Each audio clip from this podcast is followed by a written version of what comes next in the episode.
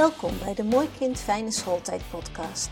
Deze podcast maak ik voor ouders van kinderen in de basisschoolleeftijd die moeite hebben met leren. Dit kan ontstaan omdat je kind de taal van school niet begrijpt of school begrijpt de leerwijze van je kind niet goed, maar dit kan ook andere oorzaken hebben. Wil je als ouders voorkomen dat je kind vastloopt of het zelfvertrouwen verliest? Ga je bij de eerste signalen gelijk op zoek naar begeleiding omdat je denkt in mogelijkheden? Dan is deze podcast gemaakt voor jullie. Want ik weet dat er nog heel veel mogelijkheden zijn voor je kind. Met deze podcast help ik jullie graag bij jullie zoektocht naar de beste ondersteuning. In deze podcastaflevering neem ik je mee naar de wonderlijke wereld van het rekenen.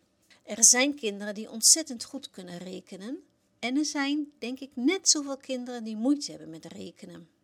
We denken dan vaak dat het ene kind waarschijnlijk beter oplet, misschien meer oefent, of men zegt het ene kind is nou eenmaal beter in taal en de andere in rekenen. Die denkwijze begrijp ik helemaal. Maar er is toch best iets belangrijks in deze zienswijzen over het hoofd gezien, namelijk voor de kinderen waarbij het rekenen niet lukt, kunnen we over het algemeen zeggen dat er te vroeg begonnen wordt met rekenen. Wat bedoel ik hiermee? Om te kunnen rekenen moet een kind eraan toe zijn om te gaan rekenen. Het hoort in een bepaalde ontwikkelingsfase te zitten en dan gaat het rekenen dus wel goed. Een kind is toe aan plus- en minsommen als het conservatie begrijpt. Een leuk filmpje hierover is gemaakt door Victor Mits en het heet De logica van het kinderbrein. Hij heeft bijvoorbeeld twee gelijk gevulde glazen melk. De kinderen zien dat er evenveel melk zit in beide glazen.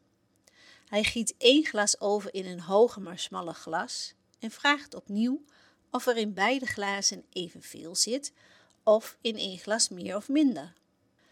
Rond een bepaalde leeftijd zeggen alle kinderen dat er in het hoge, smalle glas meer zit, terwijl ze met eigen ogen zien dat het van het ene glas naar het andere wordt overgegoten. Piaget, een Zwitserse psycholoog, omschreef het als het vermogen van het kind om te begrijpen dat bepaalde eigenschappen behouden blijven of niet veranderen, ondanks transformaties die plaatsvinden. De pedagogische visie van deze Zwitserse psycholoog was dat de cognitieve ontwikkeling van kinderen in fases verloopt. Pas als ze daar psychologisch aan toe zijn, gaan kinderen over naar een volgende fase waarin ze nieuwe dingen leren. En de een zit eerder in die fase dan een ander. Om dan toch te gaan rekenen of te beginnen met leren rekenen, is vaak de oorzaak van allerlei problemen. Nu even over als er dan toch te vroeg begonnen wordt met leren rekenen. Ik zal eerst het verhaal van Wil Missot vertellen. De man die veel kinderen weer opnieuw of alsnog heeft doen leren rekenen met zijn aanpak. In het najaar van 2009 vroeg een psycholoog-logopedist, met wie Wil al jaren samenwerkt, om het zoontje van een kennis te helpen in verband met rekenproblemen op school. Tijdens het gesprek met zijn ouders bleek dat de school het maar opgegeven had hem te leren rekenen. Daar wilde Wil wel meer van weten. Want waarom lukte het niet met dit jongetje? Wil wist dat hij inzicht moest krijgen waarom het inderdaad niet lukte en maakte een eigen test. Helemaal speciaal voor dit jongetje ontworpen. Dit leverde al een inzicht op, namelijk dat dit jongetje onvoldoende hoeveelheidsbegrip bezat. Hij wist wel dat 7 min 5 minder moest zijn dan 7, maar ja, hoeveel? En hoeveel er dan overbleef, kon hij echt niet aangeven. Het viel Wil ook op dat hij bij sommige rekenopdrachten zijn ogen omhoog draaide, alsof hij het antwoord voor zich wilde zien. Hij probeerde een visueel beeld op te roepen, maar dat kwam niet, of als het wel kwam, dan was het antwoord niet goed. Of het liet heel lang op zich wachten. En elke mondelinge som herhaalde hij hard op om tijd te winnen. Toen Wil hem daarna wat sommen op zijn vingers liet uitrekenen, telde hij van rechts naar links en soms ook vanaf de wijsvinger of ringvinger, volkomen tegengesteld aan de getallenlijn uit groep 3 dus. Kortom, deze jongen had geen juist hoeveelheidsbegrip, geen goed inzicht in de getalstructuur en geen automatiseringsvaardigheden. In het gesprekje met de ouders heeft Wil aangegeven dat hij hem zou kunnen leren rekenen, maar dat het wel heel anders aangeboden zou moeten worden dan tot nu toe.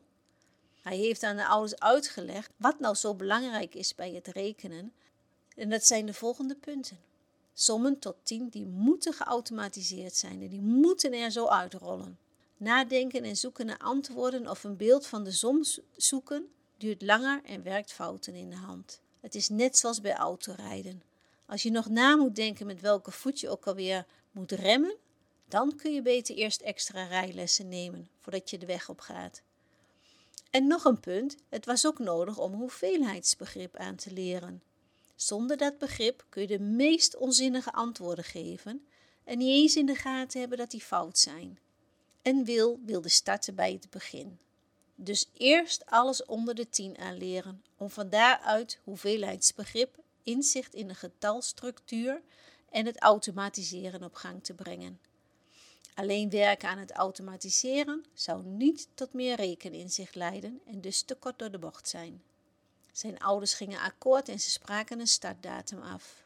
In de weken die volgden werkte Wil alle gegevens uit en kwam tot de conclusie dat hij een methode nodig had die zo simpel mogelijk zou moeten zijn, die heel dicht bij het kind moest staan, veel doen en weinig tot geen woorden moest bevatten, en binnen korte tijd hoeveelheidsbegrip, inzicht in de getalstructuur en het automatiseringsniveau zou kunnen verbeteren. Daarnaast moest het belangrijkste item geïntegreerd worden. Sturing geven aan hoe het kind denkt. Niet wat, maar hoe, want daar ligt de kern van automatiseren. Die methode kwam er en zo gingen ze aan de slag.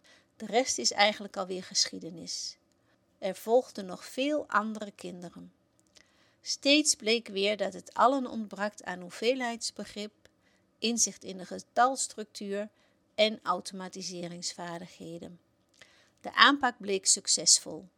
Iedereen ging vooruit en alle kinderen van het eerste uur rekenen inmiddels op groeps- en leeftijdsniveau. Wille heeft de kinderen mee op niveau kunnen brengen die bij de intake jaren achter bleken te liggen. Er was een andere aanpak nodig, waarbij vanaf nul begonnen werd om zo een gedegen fundament te leggen.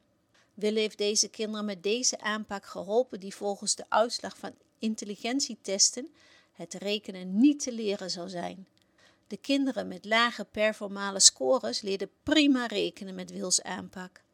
Terwijl aan ouders en school vaak was aangegeven dat het niet tot de mogelijkheden van het kind zou behoren om rekenen te leren. Ook de kinderen die met een dyscalculieverklaring bij Wil in de praktijk kwamen, hebben via Yamara leren rekenen. En dat met een tijdsinvestering van nog geen 10 minuten per dag. Een leuk weetje over de methode is dat de rekenmethode is vernoemd naar de eerste drie kinderen die ermee gewerkt hebben.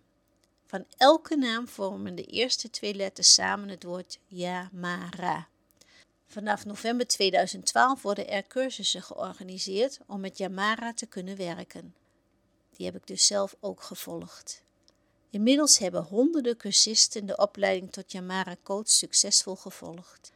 Per 1 januari 2017 zijn de opleidingen ondergebracht bij Breincentrum van Fleur Giesen. Met Yamara rekenen kan elk kind leren rekenen. Dit was een stukje verheldering over waar je op kan letten bij je kind als het rekenen niet goed loopt en ook de aanpak hiervoor. Er is dus met dank aan Wil een methode die in kaart brengt of een kind aan rekenen toe is en zo niet, wat dan te doen. Wil je alvast meer weten? Kijk dan op de website van Wil of bij www.breincentrum.com of op www.eigenleerweg.nl. En anders wacht je op de volgende podcast en luister je dan verder. Tot de volgende keer. Dit was de Mooi Kind Fijne Schooltijd podcast. Super fijn dat je hebt geluisterd.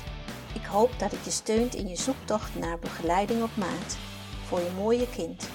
Heb je tips, aanvullingen of vragen? Stel ze gerust. Je kan met me in contact komen via Instagram of LinkedIn. Een mail sturen kan ook. Stuur deze dan naar info.eigenleerweg.nl. Natuurlijk mag je ook een review achterlaten. Wil je meer Mooi Kind Fijne Schooltijd podcast beluisteren? Abonneer je dan op deze podcast. Luister je via Spotify, klik dan op volgen en op het belletje. Dan krijg je een bericht als de volgende podcast er is. Vertel ook anderen over deze podcast. Heel graag tot de volgende aflevering.